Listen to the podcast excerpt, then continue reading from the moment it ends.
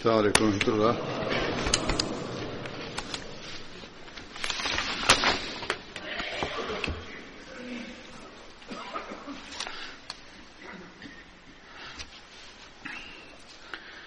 أشهد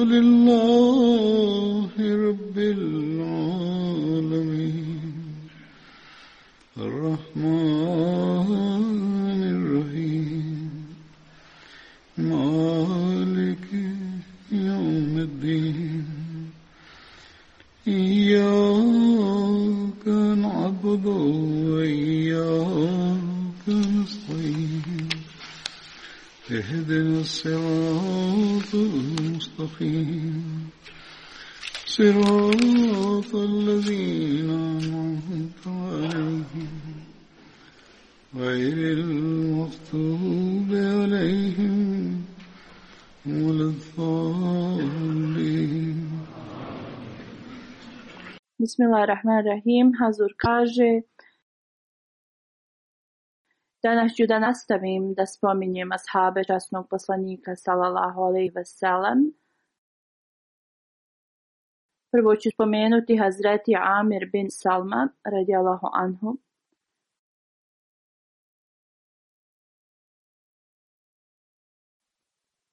Također su ga zvali Amir bin Salma, bio je poznat po oba dva ova imena. Iz plemena je Bariđ, koje je bilo jedno od najstarijih arapskih plemena. Bilo je ogranak Huza plemena, pleme koje je porijeklom iz Jemena.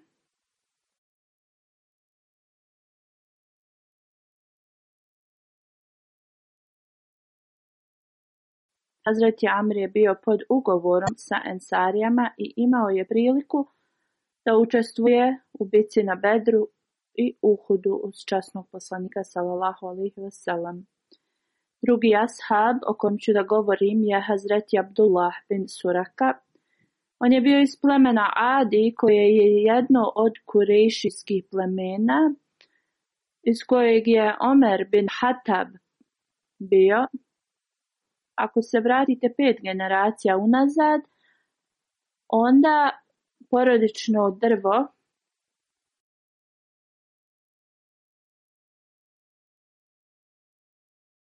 se spaja sa drvetom Omera Radjala Huanhu, kao on je njegov rođak, a u desetoj generaciji unazad Također je povezano porodično stablo sa časnim poslanikom sallallahu alejhi ve sellem. Njegov otac se zvao Suraka bin Mutaymin, a majka mu se zvala Ama binti Abdullah. Njegova sestra se zvala Zeynep, a brat mu se zvao Amar bin Suraka. Supruga mu se zvala Umema binti Haris, imali su jednog sina Abdullaha. Mnogi historičari su rekli da je on učestvovao u bici na Bedru, kako god neki kažu da nije učestvovao u bici na Bedru, ali prema većem broju historičara zapisano je da je on i njegov brat Amar bin Suraka učestvovali u bici na Bedru.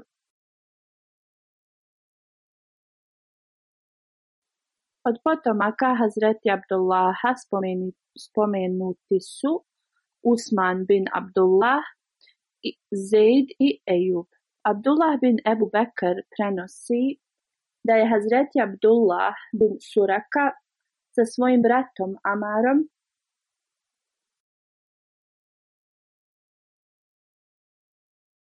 se preselio iz Mekije u Medinu i boravili su u kući Abdullaha bin Munzera.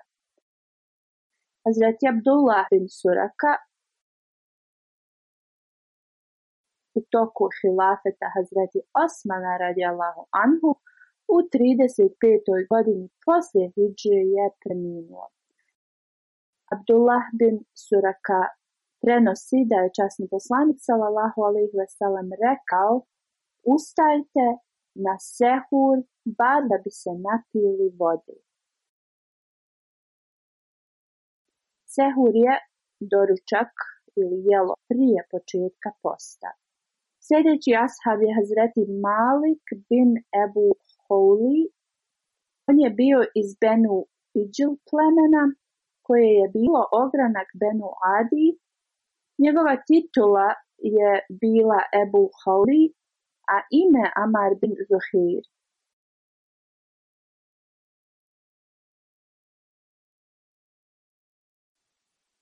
Također njegovo ime je spomenuto kao Hazreti Halal. Kad se Hazreti Omer radi Allahu Anhu selio iz Mekije u Medinu, uz njegovu porodicu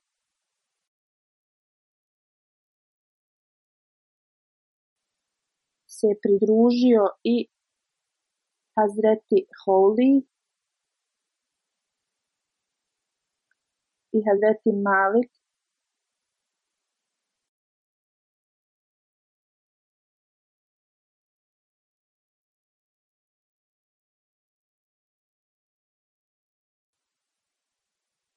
i njegov brat su učestvovali u bici na bedru. Prema jednom hadisu, Hazreti Holi i njegov, njegova braća, Hazreti Malik i Hazreti Abdullah su učestvovali zajedno u bici na bedru.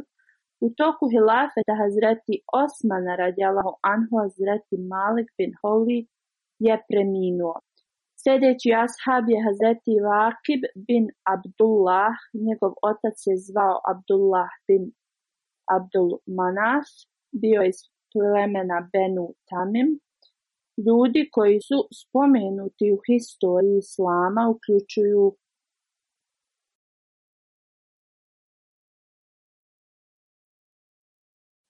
Hazreti Vakib, Hazreti Vakib je primio islam prije nego što je Hazreti Muhammed sallallahu alaihi wasallam došao u kuću Darul Arkam. Nedavno sam spominjao u vezi kuće Darul Arkam. Hazur govori, sad ću vrlo kratko da spomenim o njoj. Kad je časni poslanik sallallahu alaihi wasallam odlučio da treba da izgradi centar gdje se mogu sastajati i, go, i da govore o, o religiji jer su ljudi dolazili iz raznih mjesta i tako im je bilo potrebno neko mjesto gdje mogu da klanjaju namaz u džamatu gdje također mogu da imaju razne programe i slično trebala im je i kuća koja je bila u centru časni poslanik sallallahu alejhi ve sellem je izabrao jednog novog muslimana Arkama bin Ebu Arkam i njegovu kuću. Ona je bila u blizini mjesta Safa.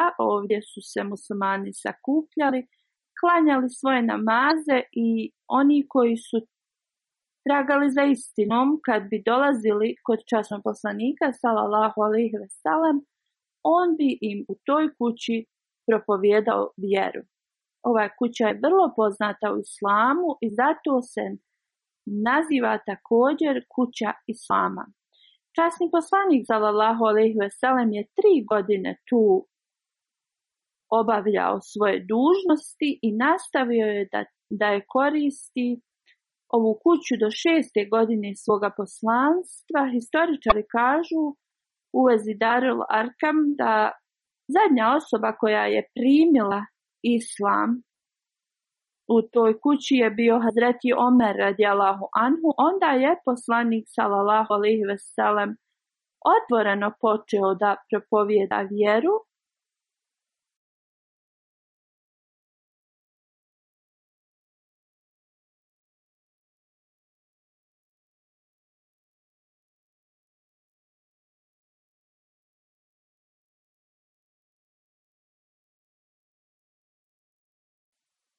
Kada se Hazreti Omer radijallahu anhu preseljavao iz Mekke u Medinu sa svojom porodicom, Hazreti Vakid je također putovao sa njima. Hazreti Vakid je boravio u kući Hazreti Rifa bin Munzer u, u Medini.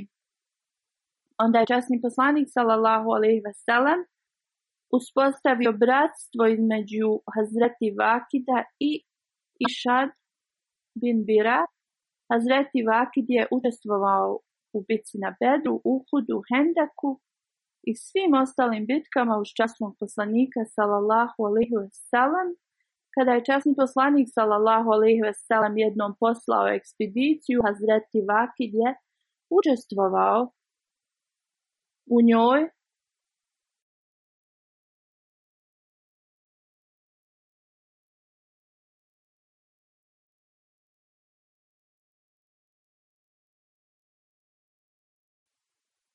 tu je bio jedan od nevjernika, Amir bin Hazrabi, koji je bio ubijen. On ga je ubio. Ovo je bio prvi mnogobožac koji je bio ubijen sa strane muslimana i Vakil je bio prva osoba musliman koji je ubio mnogobožca u istoriji islama. Detalje sam o ovom ispomenuo dok sam govorio o Hazreti Abdullahu bin Đahšu Hazreti Vakid je preminuo u ranim danima hilafeta Hazreti Omera radijalahu anhu. Sljedeći ashab je Hazreti Nasr bin Haris, bio iz ensarskog plemena Aus.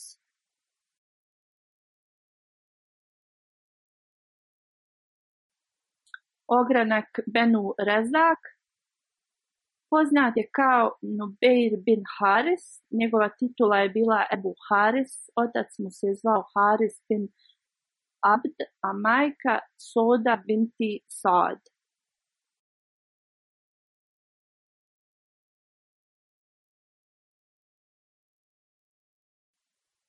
Hazreti Nasar bin Haris je učestvovao u bitci na Bedru. Njegov otac Haris, radijallahu anhu, je bio ashab časnog poslanika, sallallahu alaihi wasallam i poginuo je u bitci Kacija. Kacija je mjesto u Iranu koje je udaljeno 45 milja od Kufe. U 14. poslije Hidžrebi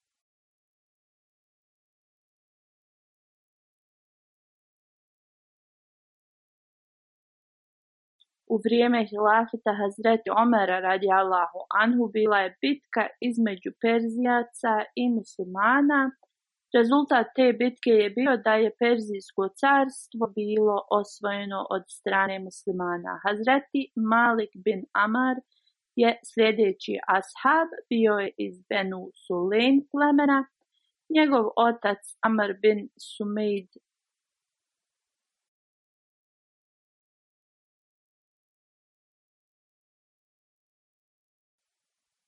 tako se zvao, Hazreti Malik, zajedno sa dvojicom braća je učestvovao u bici na Bedru.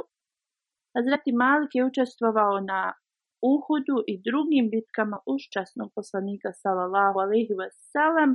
U 12. poslije Hidže u bici Amama je postao šehid. Sljedeći ashab je Numan bin Asr. On je bio iz Esarijskog plemena Wali i Benu Munifra, poznat je bio po imenu Sakib bin Aser i Numan bin Malvi. Učestvovao je u Bejat i Akba, u bitci na Bedru i svim drugim bitkama uz časnog poslanika sallallahu alejhi ve sellem.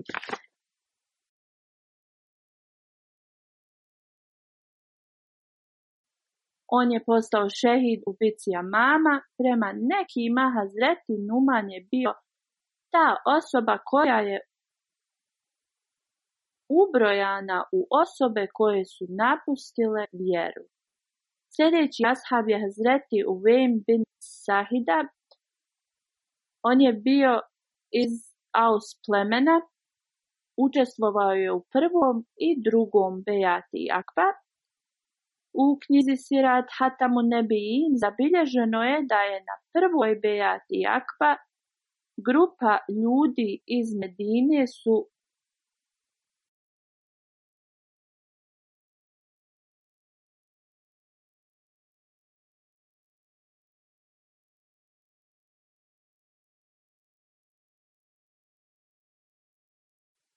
primili islam, njih je bilo šest ili osam prema nekim hadisima i on je bio jedan od tih ljudi koji su primili islam. U Tapkatul Kubra, kad se selio iz Medine, časni poslanik, kad se selio u Medinu, časni poslanik sallallahu alaihi veselam je uspostavio bratstvo između njega i Hazreti Omera, radi Allahu Anhu i još jednog ashaba, Hazreti Abdullah bin Zubeir prenosi da je čuo časnog poslanika sallallahu alaihi ve sellem da kaže da Hazreti Uvem je bio tako dobar Allahov sluga i da će da boravi u džennetu. Prema drugom hadisu, kada je jedan od ajeta bio objavljen, časni poslanik sallallahu alaihi ve sellem je rekao Uvem bin Sahida je jedan od onih koji su spomenuti u ovom ajetu. Prijevod tog ajeta je glasio Postoje oni koji žele da budu potpuno čisti, Allah je zadovoljan sa onima koji žele potpunu čistoću.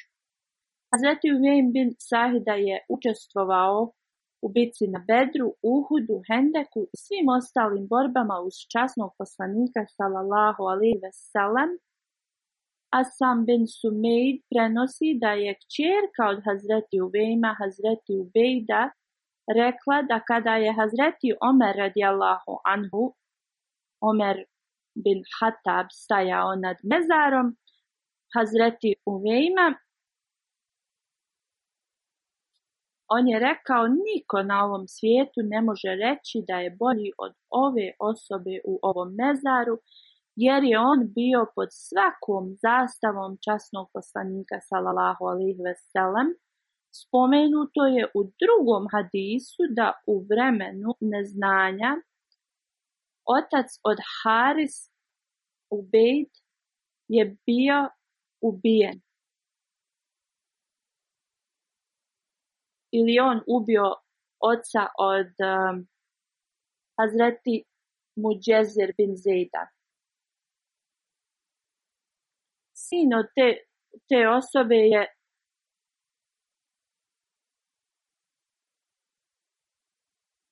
osvetio se za ovo. I ovo se desilo, ovaj događaj se desio prije Islama i ovo je bio razlog borbe i svađa između Hazriđ i Aus plemena. Poslije časni poslanik sallallahu alaihi ve sellem kada se preseluje u Medinu, Haris bin Zubeid i Haris bin Zaid, oba dvojca sinova čiji su očevi poginuli su primili islam i oba dvojca su učestvovali u bici na Bedru. Kako vod rečeno je da je Haris uvijek tražio i pokušavao da se osveti radi svog oca i kada je prihvatio islam, ali mu se prilika nije pružila, kako god na uhudu kada su Kurešije napali muslimane, Haris bin Suvejd je odrubio glavu mu džezeru i to sa sleđa i on ga je ubio. Prema jednom hadisu Haris bin Suvejd je ubio i Hazreti Kejsa Melek Džibril je došao časnom poslaniku sallallahu alejhi ve sellem i rekao mu da je Haris bin Suveid ubio Hazreti Mudžezira i trebaš da ga osudiš na smrtnu kaznu zbog toga. Časni poslanik sallallahu alejhi ve sellem je odma otišao prema tom mjestu gdje su se oni nalazili u to vrijeme Bila je velika vrućina kad su stigli sve ensarije su se okupili. Tu je bio Haris bin Suid. On je bio umotan u neke ogrtače. Prema naređenju časnog poslanika sallallahu alaihi ve sellem kao kazna on je bio ubijen. Prema sirat Halebija ashab koji se spominje njegovo ime je također zapisano kao u Vejma, a drugi historičari ga spominju kao u Vejm bin Said. U Vejm bin Suejd prema drugom hadisu je rečeno da je časni poslanik sallallahu alejhi ve sellem naredio da bude ubijen jer je ubio drugog muslimana i to namjerno. Drugi hadis prenosi da je Hazreti Osmanu radijallahu anhu bilo naređeno od časnog poslanika da on izvrši tu kaznu i da ga ubije. Onda također drugi hadis prenosi da je Hazreti Haris rekao kunem se Bogom, ubio sam Muđezira, ali ga nisam ubio zato što sam napustio islam, niti zato što sam sumnjao u islam. Ja sam ga ubio jer me je šeitan naveo i sada se kajem i spreman sam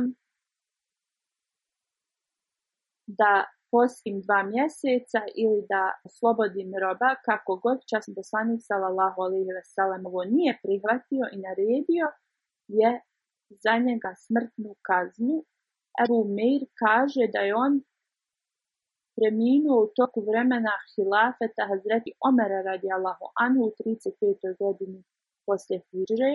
Numan bin Sinan je sljedeći ashab on je iz Esarijskog plemena Hazrađ, on je bio oslobođen i rob od Benu Numan, a drug, drugi govore da je on bio oslobođen i rob od Benu Adi. Hazreti Numan je učestvovao u bici na Bedru i Uhudu. Agdara bin Sulen je sljedeći ashab bio oslobođen i rob Hazreti Amra iz plemena Benu Suvađu ensarijsko pleme, učestvovao je u bici na Bedru i Uhudu i ubijen je na Uhudu. Nulfein bin Muavija ga je ubio u 36. godini poslije Hidre.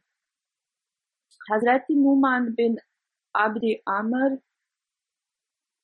on je iz ensarijskog plemena Hazrađa Abdi Amar bin Mus, Masud je bio njegov otac, a majka Sumeira bin Kejs. Azreti Numan bin Abdi Amar je učestvovao na Bedru i Uhudu i njegov brat je učestvovao u bitci na Bedru. I on je također postao šehid. On je imao trećeg brata koji se zvao Utba i on je bio ashab časnog poslanika sallallahu alaihi ve sellem i postao je šehid na incidentu Bira Mauna. Muhammed bin Saad bin Ebu Vakas prenosi da je časni poslanik sallallahu alaihi ve sellem prolazio pored žene koja je bila iz Benu Dinar. Njen sin, muž i otac su učestvovali na uhudu i poginuli su. Kad su ovoj ženi to javili, ona je pitala – Kako je časni poslanik sallallahu alejhi ve sellem, ljudi su rekli da je časni poslanik sallallahu alejhi ve sellem u redu. Rekli su alhamdulillah poslanik je u redu, ali je ona i dalje tražila da joj pokažu gdje se nalazio časni poslanik sallallahu alejhi ve sellem. Kad su joj to pokazali i ona je vidjela časnog poslanika, ona je rekla, poslije ovoga sve teškoće su male. U drugom hadisu se spominje da je njen sin pogodnilo, Hazreti Anas bin Malik prenosi da je na Uhudu kad su ljudi u Medinu u Medini bili bili su vrlo nervozni radi glasina koje su čuli da je časni poslanik bio ubijen i ljudi su već plakali i oplakivali u Medini zbog ovih vijesti. Jedna žena je bila toliko zabrinuta, vidjela je mrtvo tijelo od sina, muža i brata, ali kad je vidjela ova tijela, pitala je ko su oni. Rečeno joj je to je tvoj sin, muž i brat. Ona je tada pitala kako je časni poslanik Salalaho alaihi veselam. Ljudi su rekli da je poslanik u redu. Onda je ona našla časnog poslanika i rekla je neka je moja porodica žrtvovana za tebe. Ako si ti na sigurnom, meni nije žao nikakvog drugog gubitka. Prema drugom hadisu njeno ime je bilo Sumira binti Kejs. To je bila majka od Hazreti Numana. Hazreti Musle Maud radi Allahu Anhu objašnjava ovaj incident, kaže među ashabima nalazimo ove primjere, dok u običnim ljudima je vrlo rijetkost da nađemo primjer kao što je ovaj. Među ashabima koji su brojali nekoliko hiljada, mi nalazimo stotinama hiljada primjera kao što je ovaj, ova žena je također bila kao ashab časnog poslanika sallallahu alejhi ve sellem hazreti Muslim kaže ja sam spominjao ovo mnogo puta ali ovo trebamo da spominjemo još češće i da govorimo u vezi primjera ove žene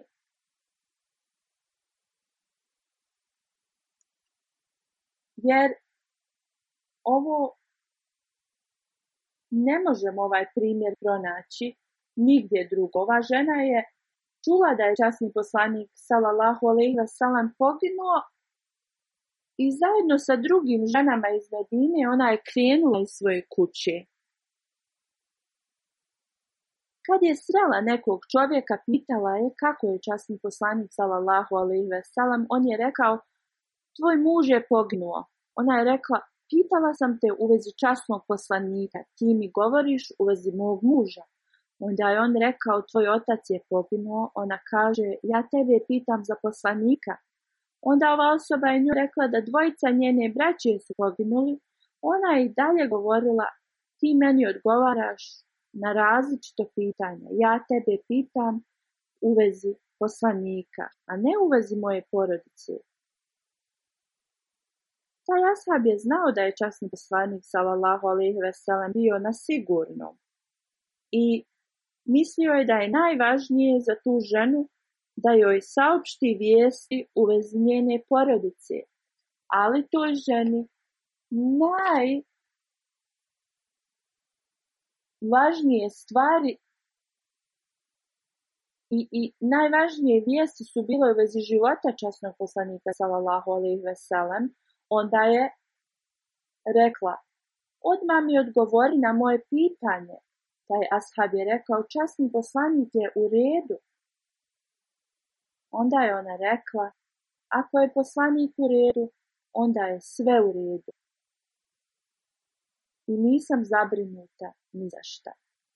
A zreti mozle maud, radi Allahu anhu, kaže, ovo je starija žena koja je potisnula sve svoje emocije u stranu Njeno srce je plakalo, ali nije to pokazivalo. Ova žena je bila sretna da je časni poslanik živ. Ona nije htjela da pokaže druge emocije osim sreće, da je časni poslanik sallallahu alejhi ve sellem bio na sigurnom. Nigdje u svijetu ovaj primjer ne možemo da nađemo kao primjer ove žene. Hazreti Muslima od radijallahu anhu kaže čitam u vezi ove žene i moje srce se ispuni poštovanjem za njom. Ja želim da pokažem svoje poštovanje prema njoj i želim da pokažem svu moju naklonost prema njoj jer je ostavila izvanredan primjer. Hazreti muslima odalje kaže ova žena je imala toliku ljubav i zabrinutost prema časnom poslaniku sallallahu alejhi ve sellem Ljudi su joj govorili u vezi njenog oca, muža, sina, ali ona je uvijek govorila, recite mi vijesti u vezi časnog poslanika, salallahu alaihi veselam. Dalje on piše, razmislite vi, vi ste svi vidjeli nekoga ko je preminuo u vašoj porodici, da li to bio vaš otac, majka, brat, sestra, i slično tome. Da li pamtite kakvo je stanje bilo u vašoj porodici tuga za vašim umrlim osobama? Poslije smr smrtnog slučaja, kakvo je stanje bilo u vašoj kući? Ali ashabi časnog poslanika, salallahu alihi veselem, osim njega, ništa im nije bilo važno. Ovo je bilo jedino radi toga, zato što je časni poslanik sallallahu alejhi ve sellem bio najomiljeniji uzvišenom Allahu. Onda oni su to također uzeli kao primjer i on je postao najomiljeniji za njih. Nije to bilo zato što se on zvao Mohamed. To je bilo zato što je on bio Resulullah, Allahov poslanik ovi ljudi su bili takvi da su volili uzvišenog Allaha i zato što su toliko voljeli Allaha, oni su također voljeli poslanika sallallahu alejhi ve sellem. Ovo nisu samo muškarci pokazivali, ovo je bilo stanje i žena u tom vremenu. Mi nalazimo primjer od ove žene. I onda Hazreti Muslim Maud spominje primjer ove žene i kaže bila je ljubav i pobožnost. Da je Allah učinio njihova srca ovakvim. Oni su uvijek davali prednost Allahu nad svim stvarima ovog svijeta i prednost tevhidu Allahovom jedinstvu i ovo im je dalo prednost u svijetu jer nisu davali važnost apsolutno ničemu osim Allahu. I njima je samo važno bilo Allahovo zadovoljstvo i zato Allah je njih nazvao radi Allahu Anhu, da je Allah bio zadovoljan s njima i da su oni uvijek stavili Allaha nad svim drugim stvarima. Ali Ovo stanje muslimana se poslije promijenilo. Ako muslimani ako imaju ikakvu vezu sa Allahom, to je neka slaba veza. Nema više istinskog telhida. U srcu ovih ljudi, kada se spominje porodica časnog poslanika, salallahu alaihi veselem, ili poslanik, oni postaju vrlo emocionalni, Ali kada se Allah spominje, emocije nisu toliko jake kod njih. A Allah nam je dao svu blagoslov. Allah nam je dao časnog poslanika, sallallahu alaihi ve sellem. Onda moramo da razumijemo ljubav prema Allahu. Jer istinski uspjeh je jedino da postignemo Allahovu ljubav i da postignemo njegov tevhid. Allahovo jedinstvo. Onda ovo je temelj koji mi svi moramo da držimo na umu, da uzvišeni Allah nam pomogne da svi razumijemo istinsku ljubav koju trebamo da imamo prema Allahu i da razumijemo našeg gospodara i o njemu sve stvari. Hazur kaže, sada ću da spomenem neke ljude koji su preminuli ja ću da im klanjam džanazu poslije džume namaza. Prva osoba je Madud Ahmed Khan sahib, on je bio emir džemata u Karačiju. Sin je od Navab Ahmed Khan sahib. Preminuo je 14. jula u 78. godini i na Lilahive i na Ilehi Rađiun svi smo Allahovi i njemu se vraćamo. 12. aprila 1941. godine je rođen u Kadijanu. I kao što sam spomenuo, on je sin od Navab sahib i Sadika sahiba. LLB diplomu je dobio iz Punjab univerziteta. Kratko vrijeme je radio sa šejih Mohamed sahib. Radio je u nekom preduzeću u advokatskoj firmi dugo vremena, 52 godine. Bio je jedan od najstarijih advokata u Pakistanu. Bio je ekspert u raznim oblastima tužilaštva i prava i odbrane i bio je poznat. Također je bio na mnogim timovima koji su pisali zakon i pravila za biznes i druge zakone u zemlji. Često je dobivao ponude da bude direktor na raznim u, u raznim velikim preduzećima, ali bi uvijek odbijao to. On kaže na takvim pozicijama često se dižu optužbe protiv tih glavnih ljudi i nije želio da ošteti džamat na bilo koji način. Osim supruge iza sebe ostavlja sina i kćerku, njegov sin je također advokat. Njegova kćer živi u Kanadi. On je postavljen za emira u Karači u 1996. godine. Prije toga je služio na raznim pozicijama u džamatu. 1984. godine, kad je džamat prolazio kroz mnoge probleme, on je imao vrlo dobru vezu sa medijima. Njegova supruga kaže, on je bio vrlo jednostavna osoba. Bio je prijatelj svima i svima je pomagao. Svi su govorili kad bi ga upoznali tek, da su osjećali da ga znaju cijelog života. Tako je bio pristupna osoba, ponašao se isto prema svima. Ona kaže, ne mogu da navedem jedan nedostatak kao otac ili muž ili osoba. Bio je idealan, njegov sin kaže bio je idealan otac, od malih nogu nas je učio da se molimo i dok sam bio još vrlo mlad, vodio me je na sabah namaz u džamiju i uvijek bi me savjetovao da poštujem starije.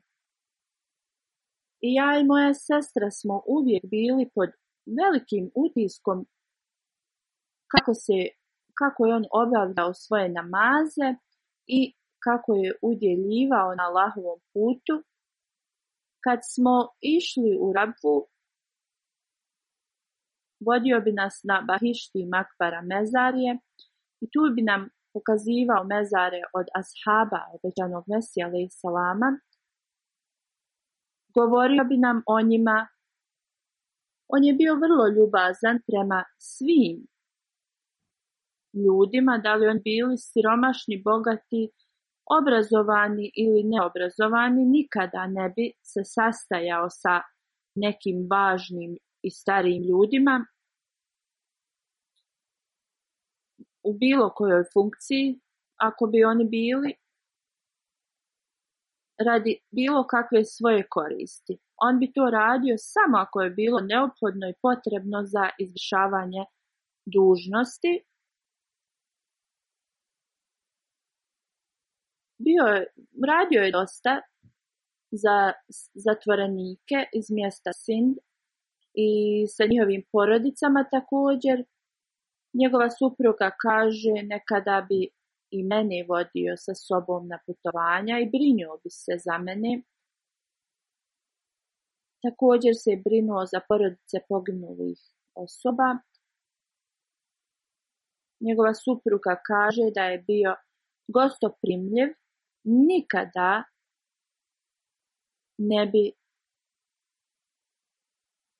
bio manjak njegovom gostoprinstvu, nekada bi mu se gosti najavili iznenada, i odmi, odma počeo pripreme za njihovo gostoprimstvo. Imao je veliko poštovanje prema hilafetu i poslušnost. Njegov sin kaže, govorio nam je da bar jednom sedmično napišemo pismo svome halifi i da povećavamo vezu sa svojim halifom. Prije dvije godine je dobio rak i izliječio se od toga Azur kaže, napisao mi je u pismu da se izliječio i da se je vratio na posao, ali prije nekoliko dana se iznenada razbolio, izgleda da je imao srčani udar i da se od njega nije mogao opraviti, oporaviti. Dok se je liječio od raka, doktori su govorili da ova osoba stvarno je odličan primjer i inspiracija. Prvo, imao je ogromno strpljenje, a drugo, govoreći sa njim, smo naučili da je on veliki učenjak. Njegov sin piše, kad smo god dolazili u bolnicu, doktori bi ustajali, iskazujući mu poštovanje. Također ne Ahmed i omladina iz tog mjesta kažu da njegovo moralno ponašanje je uvijek ostavljalo veliki utisak na nas. Njegova supruga kaže da je on imao precizan raspored u plaćanju svoje članarine. On je dobro zarađivao i živjeli smo dobro.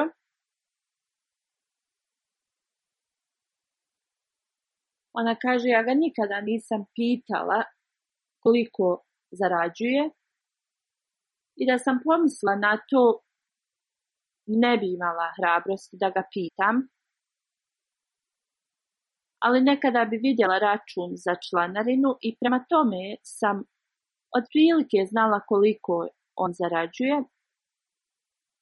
A lista za ove donacije je bila vrlo duga. Nekada bi mi govorio da troši manje za kućne potrebe, a da udjeljujem više za džemat. Ona kaže, ja bi nekad mislila da on želi da zarađuje što više, samo radi toga da bi mogao da udjeljuje više. On nije volio da, da se ljudi žale i uvijek bi savjetovao da se uzdržavaju od toga, nije nikada slušao da se neko žali o drugoj osobi, a pogotovo da trača u vezi drugih ljudi. Često je govorio da se ne oslanjamo ni nekoga i da završimo svoje poslove sam, tako da nećemo ostaviti mjesta ni da pomislimo da, da je neko to trebao da uradi. Naib Amir, zamjenik, njegov mu je rekao da nekada on treba da bude malo ozbiljniji i stroži u vezi nekih stvari u džamatu. On kaže njegov odgovor je bio kako da budem strog prema nekim koji izvršavaju ove dužnosti i daju svoje vrijeme da služe džamat. Oni su volonteri. On je uvijek sa ljubavlju radio sa svima Azur kaže, mnogi su mi pisali u vezi ovoga. On je govorio hudamima da mu se jave kad stignu kući, sa dužnosti kad odu. I neki su rekli kada nisu imali prijevoz do kući, on bi im davao svoj automobil. Njegova kćerka kaže, od malih nogu otac nas je učio da vjerujemo u postojanje uzvišenog Allaha i da imamo veliku ljubav i poštovanje prema hilafetu, on kad bi bio i bolestan, on bi slušao Jelsa program preko televizora, Njegova kćerka živi u Kanadi i kaže da kada je Jelsa Kanada i Jelsa u Njemačkoj bile na isti vikend, on je rekao da je slušao oba dva programa. Slušao je redovno hudbe, volio je mjesec Ramazan. Nikada ne bi putovao u toku mjeseca Ramazana. Azur kaže, ovo je veliki primjer i pouka za sve. Nekada ljudi radi najmanjeg razloga putuju u toku mjeseca Ramazana da bi izbjegli da ne posteje.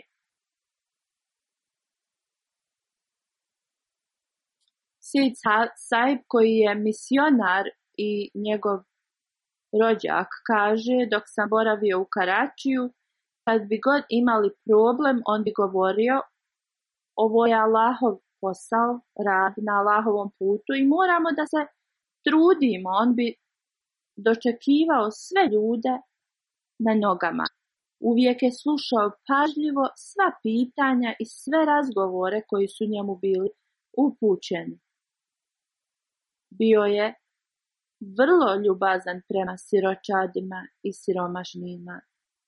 Iako su imali mali budžet, velike stvari je radio od tog budžeta.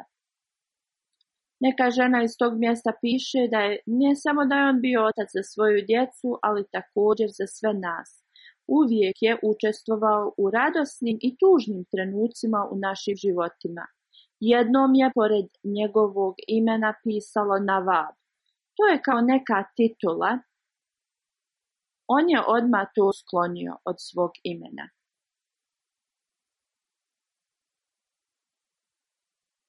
Prijesjednik džamata iz tog mjesta piše da on je bio kao otac svima u Karačiju. Imao je mnogo kvaliteta. Jedan od kvaliteta je bio da se sastojao sastajao sa svima na isti način, da li to bili siromašni ili bogati, obrazovani ili neobrazovani, ponašao se prema svima na isti način. Bio je jednak prema svima, ravnopravan. Uvijek bi radio džamatske dužnosti do kasno u noć. On je uvijek nastojao da trenira moralno ponašanje i dobre primjere svojoj djeci i svim džematlijama. Uvijek se brinuo za školovanje i širenje vjere. On kaže, jednom sam bio u Karačiju zbog nekog treninga u džamatu. On mi je rekao da je bio vrlo tužan zato što to jutra na sabah namazu samo tri osobe su došle a mnogi su živjeli u blizini i mogli su da dođu vrlo lahko da obave namaz u džamatu. Tada je rekao, ovdje su prisutni članovi iz raznih odbora u džamatu i oni moraju prvo da se reformišu da bi onda reformisali ostale džamatlije.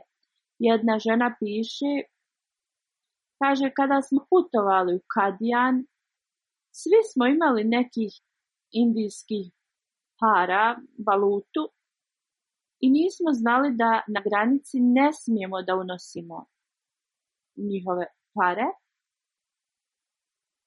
Ovi koji su radili oficiri su rekli, ako je to greškom urađeno, onda u redu je, nemojte da napišete na papir na granici i mi vam nećemo uzeti taj novac.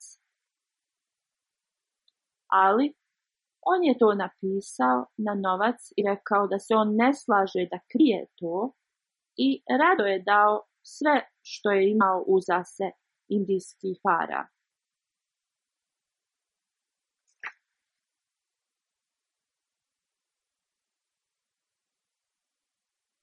Hazur kaže, kao što sam već rekao, mnogi su mi pisali u vezi njega, kudami i ostali govorili su da je on toliko bio pažljiv prema njima i osjećali su kao da, da su oni neko veliko dijelo uradili za njega. Još jedan presjednik iz Karačija piše da ukratko ga opišem bio je skroman, iskren, dobra, ocje, dobra osoba, On je cijenio džemat i volio hilafet. 2016. smo pravili neki objekat u našem mjestu. On mi je rekao da ja jesam emir Karačija, ali ako imate ikakve probleme, pišite to halifatul mesihu.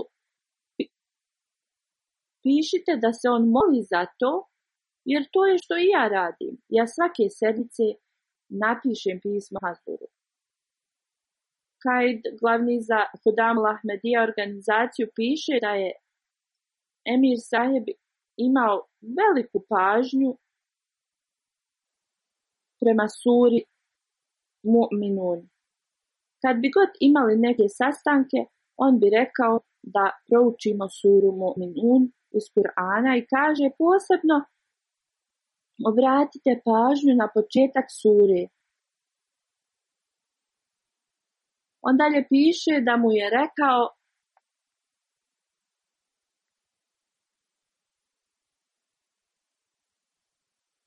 da sedmično treba da napiše pismo Hazuru. On je imao veliku poslušnost i ljubav prema hilafetu. Jednom je bio neki skup porodice i obećanog Mesije, ali i Salama, tu su se neke stvari desile koje se ne bi trebale da dešavaju u handan porodici, to jeste porodici obećanog mesije. Azur kaže, ja sam mu poslao pismo jer je i on bio prisutan na tom skupu. Rekao sam mu da te stvari koje su se desile nisu trebale da se desi, Azur kaže, ja sam onda dobio odgovor od njega. On se mnogo izvinjavao, ali onda je dodao i rekao, ja sam zadovoljan i sretan da mi imamo nekoga ko će da nas popravi duhovno i moralno. I zahvalio mi se. Azur kaže, on je bio moj stariji rođak, čak i prije Hilafeta, ja sam mu davao poštovanje kao od mog starijeg rođaka.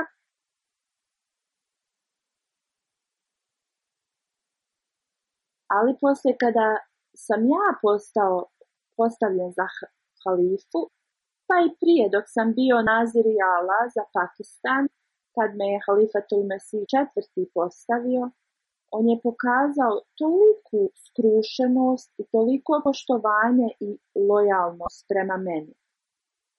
Hazur kaže da mu Allah podari oprost i svoju milost i, i uzdigne njegov status na ahiretu i da njegova djeca nastave u njegovim pobožnim dijelima i u njegovim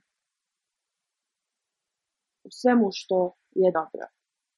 Azur kaže druga džemaza je od halifa Abdul Aziz Sahib On je zamjenik emira džemata u Kanadi.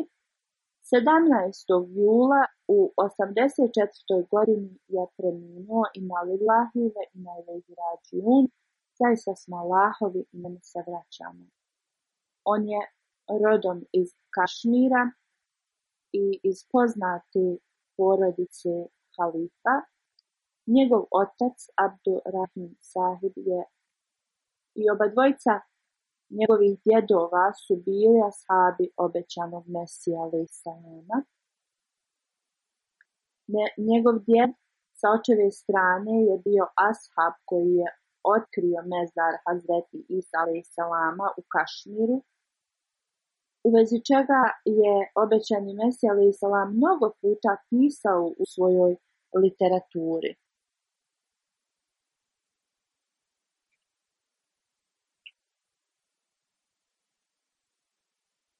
On je bio jedan od ranih članova u Kanadi, preselio se u Kanadu, doselio se u Kanadu 1967. iz Pakistana. Bio je advokat i uspostavio je svoju firmu u Kanadi i uvijek je pomagao u legalnim stvarima, zakonskim stvarima, Ahmedija muslimanskoj zajednici. 50 godina je služio džamat u Kanadi. On je bio prvi nacionalni predsjednik Ahmedija muslimanske zajednice u Kanadi. Također prvi nacionalni predsjednik kaza bo, e, odbora u Kanadi. I do smrti je služio kao podpresjednik džemata u Kanadi. 2010. godine on je obavio hađ. On je bio vrlo skromna osoba, društven je bio, volio je da se druži i bio je vrlo pobožna osoba. I dok je bio bolestan, toga nije sprečavalo da ispunjava svoje dužnosti. Njegova veza s hilafetom je bila vrlo velika i ljubav prema hilafetu je bila očigledna.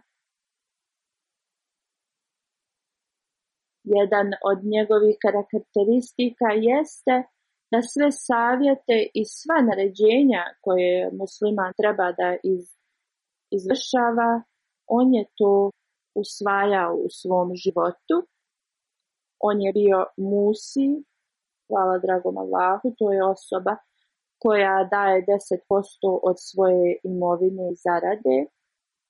Hazur kaže da mu uzvišen Allah podari oprost i pod, podigne njegov status na hiratu i njegovoj porodici također podari sabur i da njegova na, njegovi nasljednici nastave da rade njegova dobra djela. Amin.